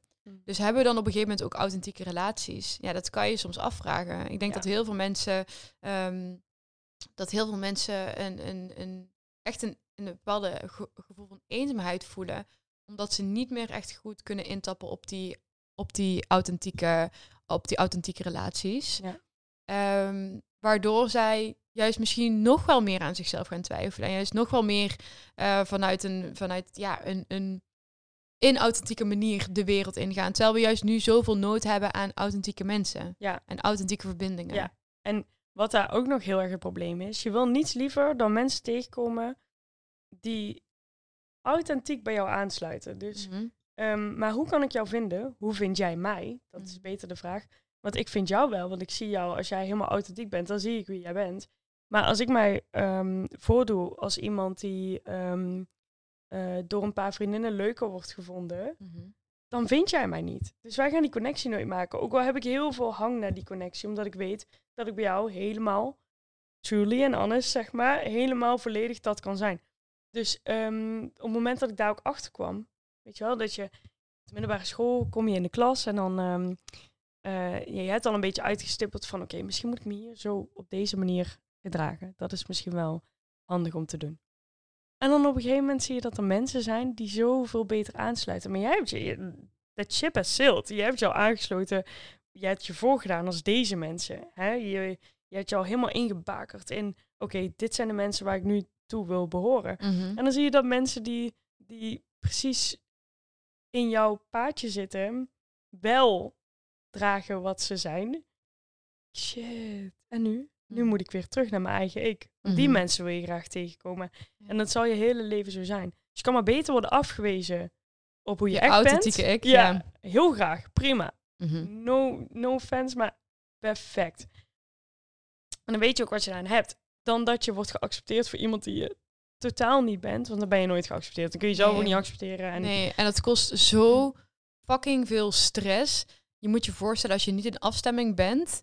Eh dat is hetzelfde als dat je eigenlijk gewoon heel het eten eet wa- waar je niet tegen kan. Hè? Als je niet in afstemming bent, je gedraagt Ja. je zoals je niet bent, kost dat net zoveel stress al dan niet meer als dat jij gewoon de hele dag eet wat jij niet hoort te eten. Ja. En ik heb dat zelf ervaren toen ik jonger was. Eh, Ja, je, weet dat natuurlijk. Ik, ik heb eigenlijk nooit echt eh, bij, een, bij een groep gehoord. Ik merkte in, in Meerlo er waren super lieve meiden. Maar ik merkte dat het voel, ik, dat was het gewoon niet. En Ja. toen in, in, daarna in, een, in een ander dorp merkte ik ook wel. Hè, dan krijg je, krijg je vriendinnen. En maar op een gegeven moment, ik voelde nergens die, echt die authentieke verbindingen. En op een gegeven moment raakte, eh, ja, ging ik er zelf in onderdoor. Want ik denk, ik dacht toen echt, ben ik dan zelf zo fucked up? Want ik kon op dat moment al niet goed mezelf anders voordoen dan dat ik was. Ik heb altijd, ik heb een hele, ik heb een heel duidelijk karakter. Ja. En ik kon niet in de hiërarchie mee. nee. Ik kon niet in de, in de, de, de relaties mee die voor mij niet authentiek voelden. Waardoor ik zoveel moeite had met verbinden. En daardoor eigenlijk alle verbindingen eh, wegduwde. Eh, ik dacht van ja, weet je, dan, dan, dan ga ik me helemaal afsluiten. Kan ik ook niet afgewezen worden. Hè? Dat is natuurlijk ook wel een trauma-respons.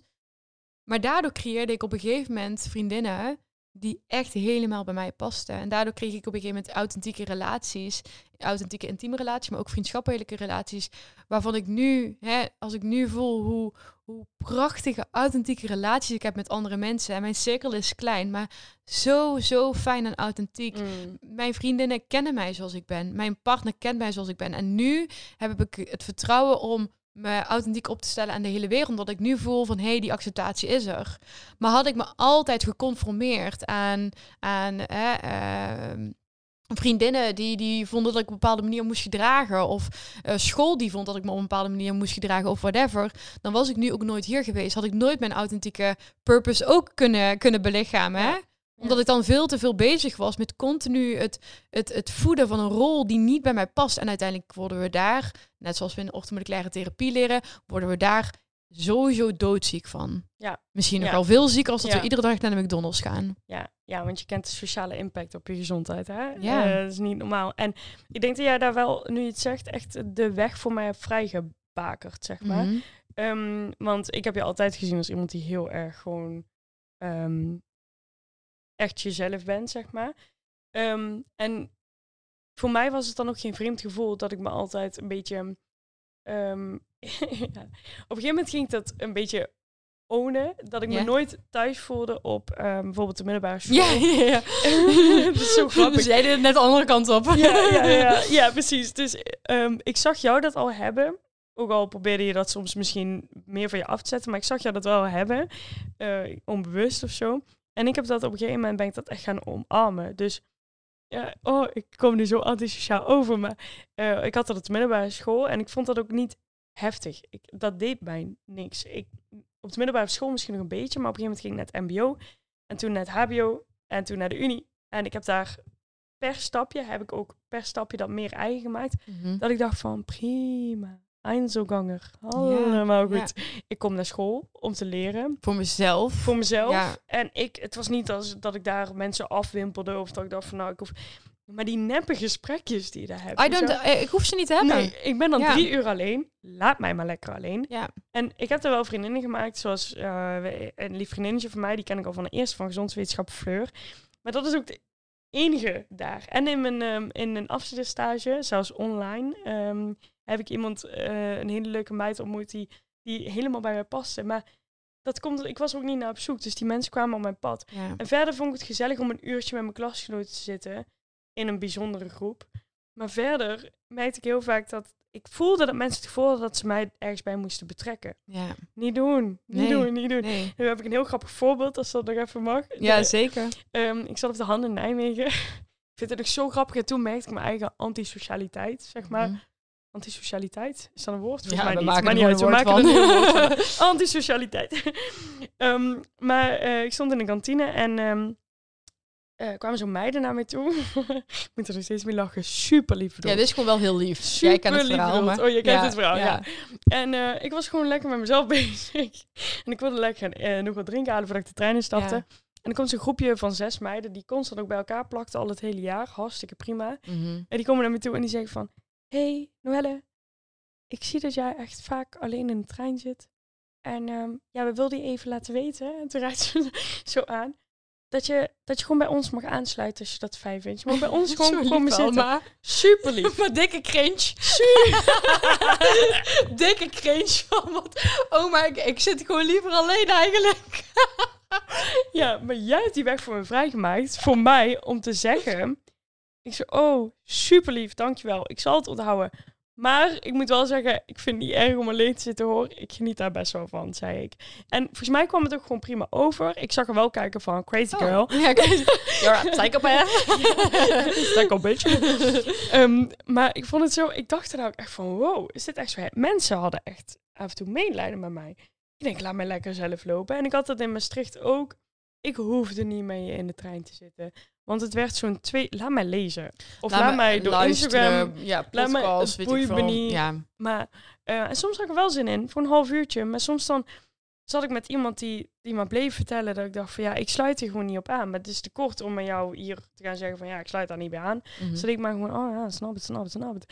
maar ik ben gewoon op zoek. Ik heb inderdaad ook maar een kleine cirkel. Buiten mijn familie, want dat is de halve wereldbevolking.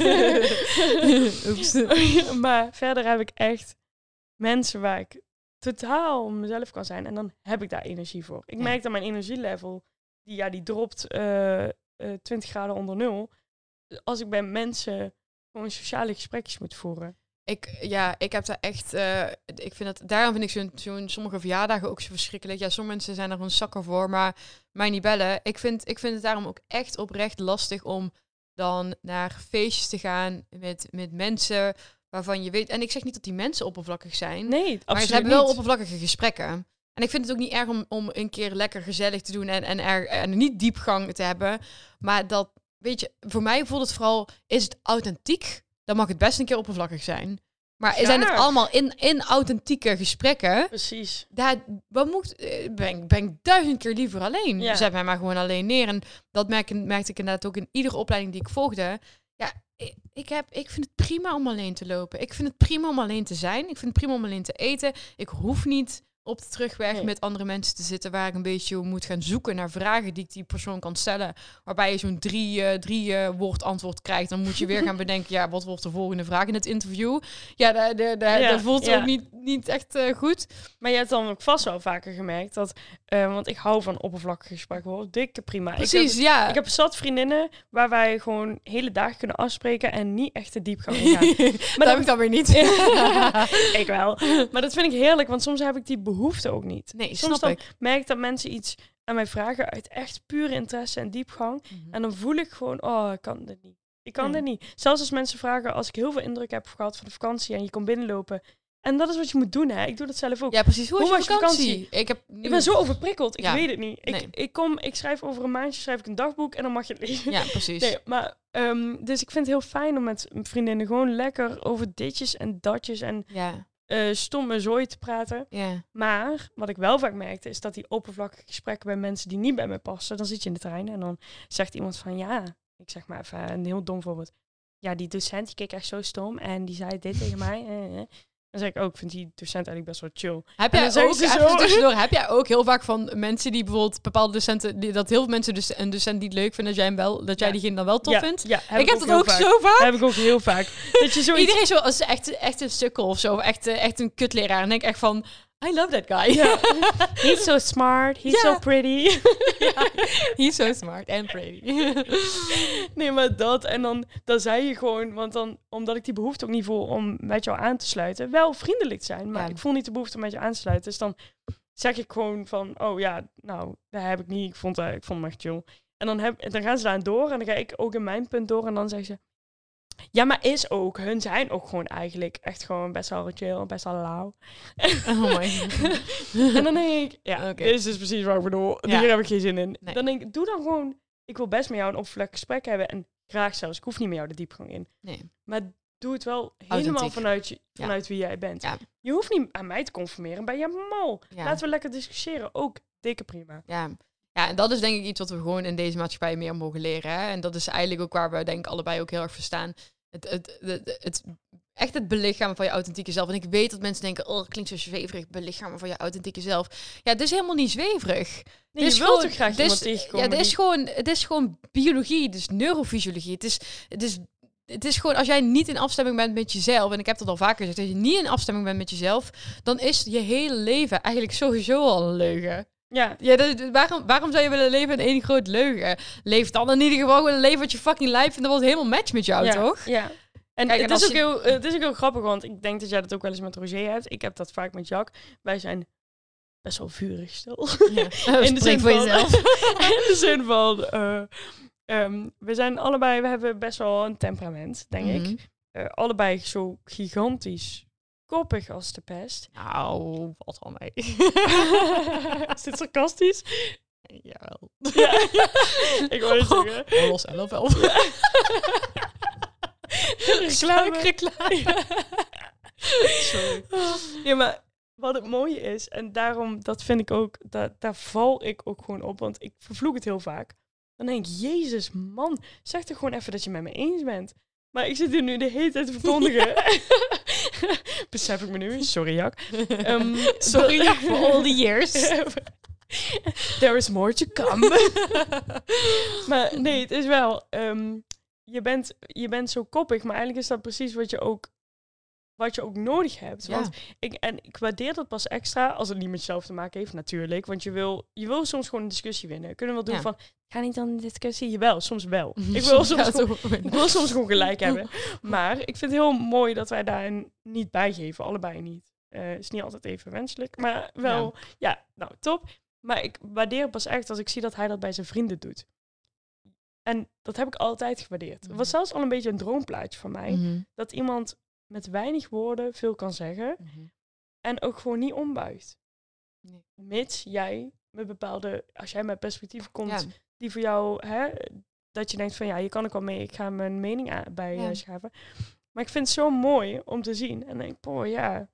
Ja, Ja, dat is ook aantrekkelijk, hè? Maar dit, het is Heel aantrekkelijk. authenticiteit is aantrekkelijk. Ja, Kijk, eh, absoluut. jij vindt bijvoorbeeld eh, het principiële aan, aan, aan Jack is, is gewoon een hele aantrekkelijke, eh, hoe heet dat ook weer, aantrekkelijke karak- karaktereigenschap. Ja. Ehm, en het kan ook best zijn, als ik bijvoorbeeld kijk naar mijn, naar mijn vriend, die is eh, juist iets meer, hè, die, is, die is wat eh, meer meegevend, die is ook wat meer, en helemaal niet meegevend in een negatief iets, Nee. maar die is gewoon wat meer ehm, eh, oké met verschillende perspectieven. Wat, heel, wat een hele verademing kon. Verademing, Kan dat wat goed, Ja, die kan, hij kan dat zijn. ook goed los hij eh, kan het loslaten. goed loslaten. En het is heel erg fijn, dus, want heel veel mensen voelen zich geaccepteerd door hem. Wat, en hij staat heel erg open voor verschillende perspectieven, wat natuurlijk gewoon heel waardevol is. Het gaat er niet om dat je het een of het ander moet zijn. Het gaat inderdaad om dat je authentiek mag zijn. Ja, precies. Dus of, of jij nou daar wel of niet open voor staat. Ehm dan moet ik zeggen dat dat bij mij natuurlijk minder is dan bij zijn vrienden. Hè? Dus Mhm. vaak, vaak bij je partner, denk ik. Maar inderdaad, het gaat daar niet om. Het gaat erom dat je maar gewoon bent. Waar je- of dat je staat voor wat je bent, zeg maar. precies. Ja. Ja. precies dat.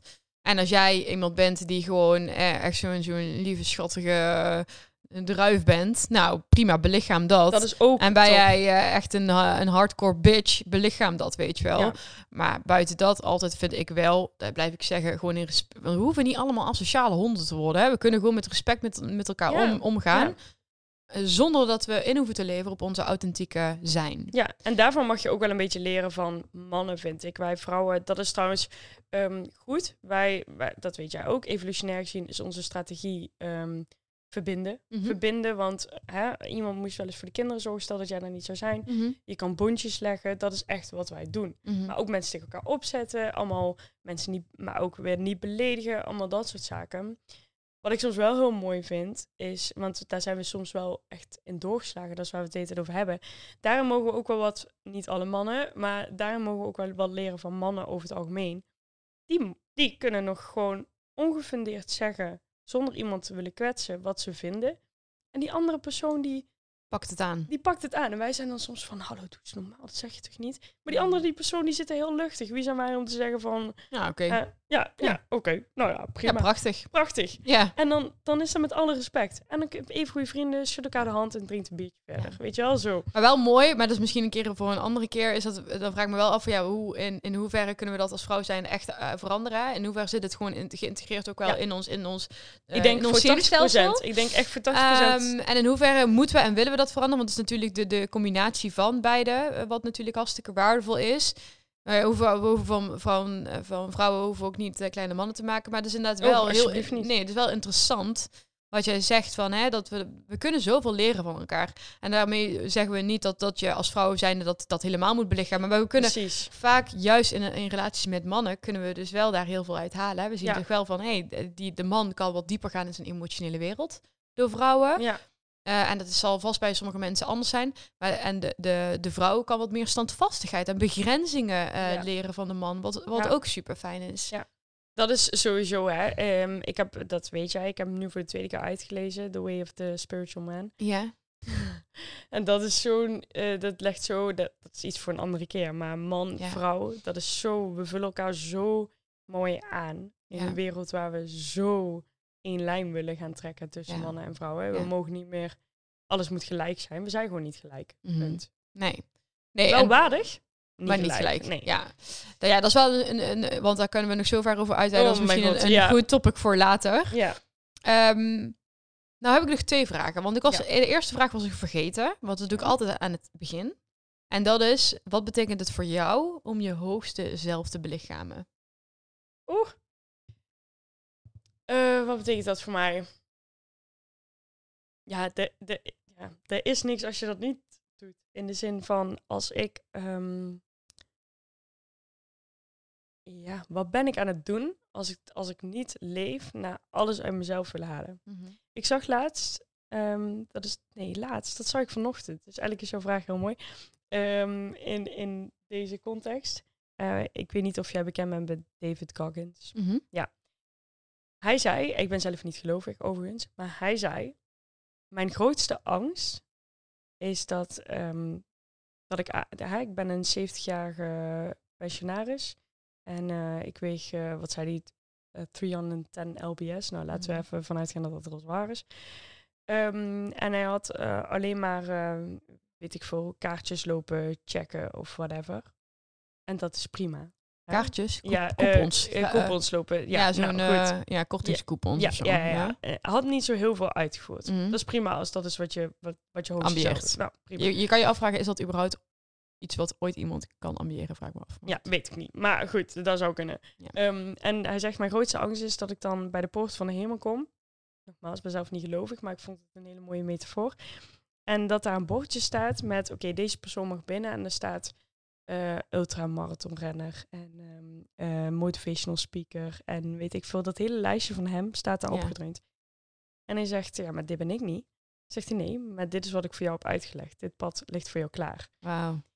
Ja, dat is het toch gewoon? Ja. En hoe, hoe, wat voor angst is dat inderdaad als je ziet dat dit voor jou was uitgelegd en er niks van, Heb gedaan. ni- niks van dat pad hebt gevolgd. Niet dat je niks hebt uitgevoerd, want dat, dat, ja, je dat is niet. sowieso... Nee. maar dat je dat niet hebt uitgevoerd. Ja. En nou zie ik dat meer in de zin van, hè, het, in het universum is ook alles voor je uitge, uitgelegd.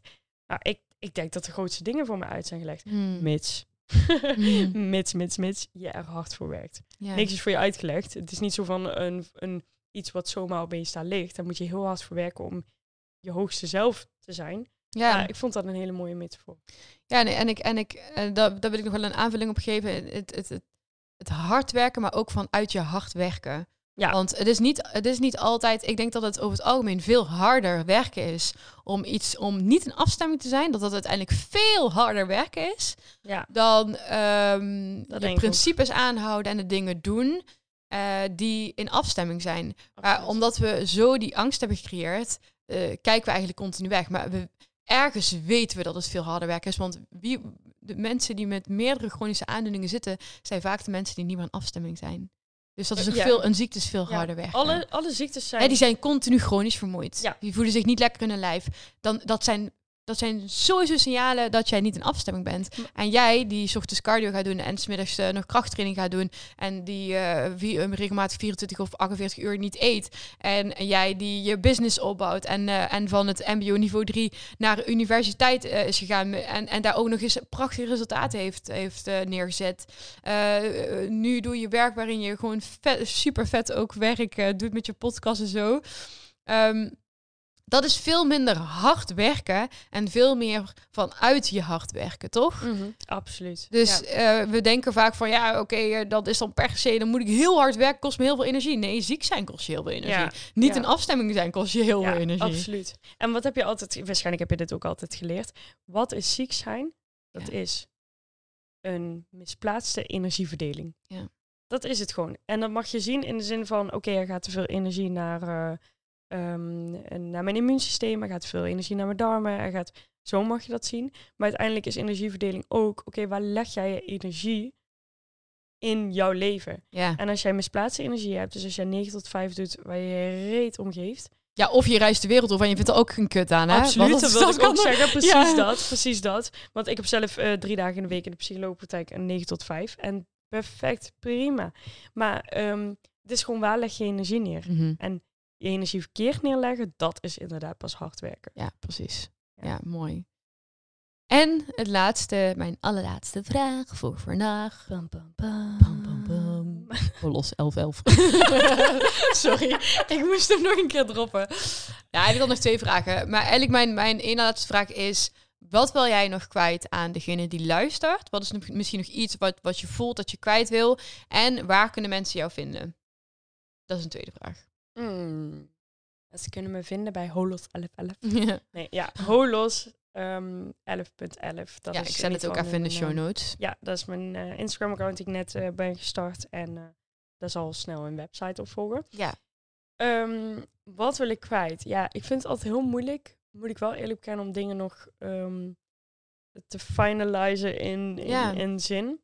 Ehm, omdat er voor sommige dingen toch wel heel veel, eh, heel veel tekst en uitleg ehm, Nodig is. nodig is. Ja. ja, gewoon ja, wat, waar het toch voor mij op neerkomt is hard werken. In Mhm. de context zoals we het net hebben gezegd. Mhm. Laat je leven niet afhangen van motivatie, maar van discipline. Mhm. Zolang het maar is wat je wel echt wil. Mhm. En eh, leef wat, eh, wat vrijer, wat minder, ehm, hoe moet ik dat zeggen? Wat minder gekwetst, wat minder zwaar. Leef wat lichter. Ja, dat Mhm. wil ik eigenlijk zeggen. Ja. Leef wat lichter. Neem het zoals het is. Oh, die zegt dat. Oké, nou dan.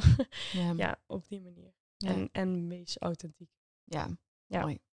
En Holos 1111, eh ik zet het eh, inderdaad in de, in de show notes. Kan je iets vertellen over, eh, over wat dat is? Ja, Holos 1111. eh sowieso laten we beginnen bij de naam. Holos staat in het Latijns voor holistisch. Ehm 1111 is sowieso een divine getal, een engelengetal. Eh, en het staat van wandel dit pad en je zit op het goede pad, dus blijf die bewandelen. Eh, daar ben ik heel erg van, want verder ben ik eigenlijk niet zo thuis in die wereld, omdat Mhm. ik daar, ehm, daarin verschillen we dan wel weer een beetje. Hè? Mhm. J- Jij zit daar nog meer in en ik wat, wat, eh, wat minder. Ehm 11 is sowieso mijn verjaardaggetal. En 11 is al vanaf weet ik veel hoe lang, net zoals Wiljan, eh, mijn geluksgetal. Ja. Dus eh, daar komt de naam vandaan. Ehm, ja, mijn, eh, mijn hart klopt voor ondernemen. Dus ik wist dat daar sowieso ooit iets in moest komen. Ehm, heel graag wil ik alle kennis van gezondheidswetenschappen en van orthomoleculaire therapie gaan delen. Ehm, met de geestelijke gezondheid. Dus dat moet zich gaan uitbreiden met ehm, heel veel dingen zoals EMDR, IEMT. Dat is een versie van EMDR. Ongeveer kort geslagen. Hypnose zou ik heel graag willen doen. Dat gaat zich Allemaal uitbreiden. Ja, en, eh, maar je bent ook nog tijd. heel jong. En als je ziet wat je nu allemaal hebt gedaan, dan... eh, Ja, en dan gaat het nog soms te sloom. Maar ja. het is een proces, maar ik wil, ja, wat jij ook kent, Gewoon Ja. impulsief, maar ook gewoon snel. Als je weet Ja. wat je wil, dan moet het Dat bam. is daar. Als je je purpose hebt, dan, dan, dan kan het niet snel genoeg gaan. Maar ook daarin heb ik wel gemerkt dat we echt door bepaalde dingen heen moeten gaan om juist in die soort van vol- volwassenheid te treden. Mhm. Ehm, eh, waarin ik eerst gewoon zoiets had van, hé, hey, ik ben het aan het eh, eh, visualiseren. Ik heb een doel, ik weet wat ik moet doen. Ik, ik, ik, ik weet Ja. het gewoon. Ja. Dan moet ik er nu voor gaan. Maar juist eh, een soort van rijpingsproces, hè, Ja, waarin je echt eh, op, op verschillende lagen eigenlijk wordt geforceerd, ja, geforceerd, ge, geprikkeld om daar de verdieping in te, in te gaan die je als, als het allemaal zo snel zou gaan als dat jij zou willen, die, die je gewoon niet over, het, over, die je eigenlijk over het hoofd had gezien, waardoor je echt grote fouten zou gaan, gaan maken. Absoluut. En als jij bijvoorbeeld je, je droom hebt, is voor duizend mensen spreken. En ik zou nu voor duizend mensen spreken. Misschien zou ik wel flauw vallen. Omdat ik ja. nog niet de tools heb. Ja. Hè, ja. Weet je, of van het podium afplikkeren, weet ik veel. eh. Maar eh, omdat je nog niet de tools hebt om echt dat helemaal aan te kunnen gaan. Maar die hele reis, die brengt je daar. ja, en het maakt je humble. Humble, ja. Gewoon, eh, ehm, Ja, echt. Er is gewoon een realiteit buiten. Ja, je kan manifesteren as shit. En Ja, ehm, alles voor je zien. Dat is goed, dat draagt bij. Ja. Want je, je, je, je gaat uiteindelijk doen waar je zelf van overtuigt. ja, Eh, dus van mij part lees je iedere dag op de spiegel dat je dit en dit gaat doen. ja. Maar eh, we don't escape reality. Nee. het moet en blijft gewoon. En tegenslagen, yes, dat, dat hoort toch, dat moet komen. En Ja. alle, alles wat je doet, leer je van. Ja. Dus take it easy en we zien het wel. Take it easy. Take it easy. Heel erg bedankt. Ik vond het een heel eh, tof gesprek. Ik denk dat onze authentieke zelfs, onze authentieke ikken, onze authentieke ja, zijn, dat die heel erg naar voren zijn gekomen. En eh, ik ben nu al benieuwd naar, eh, naar het terugluisteren van deze podcast. Normaal doe ik dat niet, maar ik vind het toch wel leuk om deze heel even terug te luisteren. Ja. Ehm, en eh, ja, jij heel erg bedankt. ja, jij ook bedankt. En eh, aan de luisteraar bedankt voor het luisteren. Als je tot hier bent gekomen.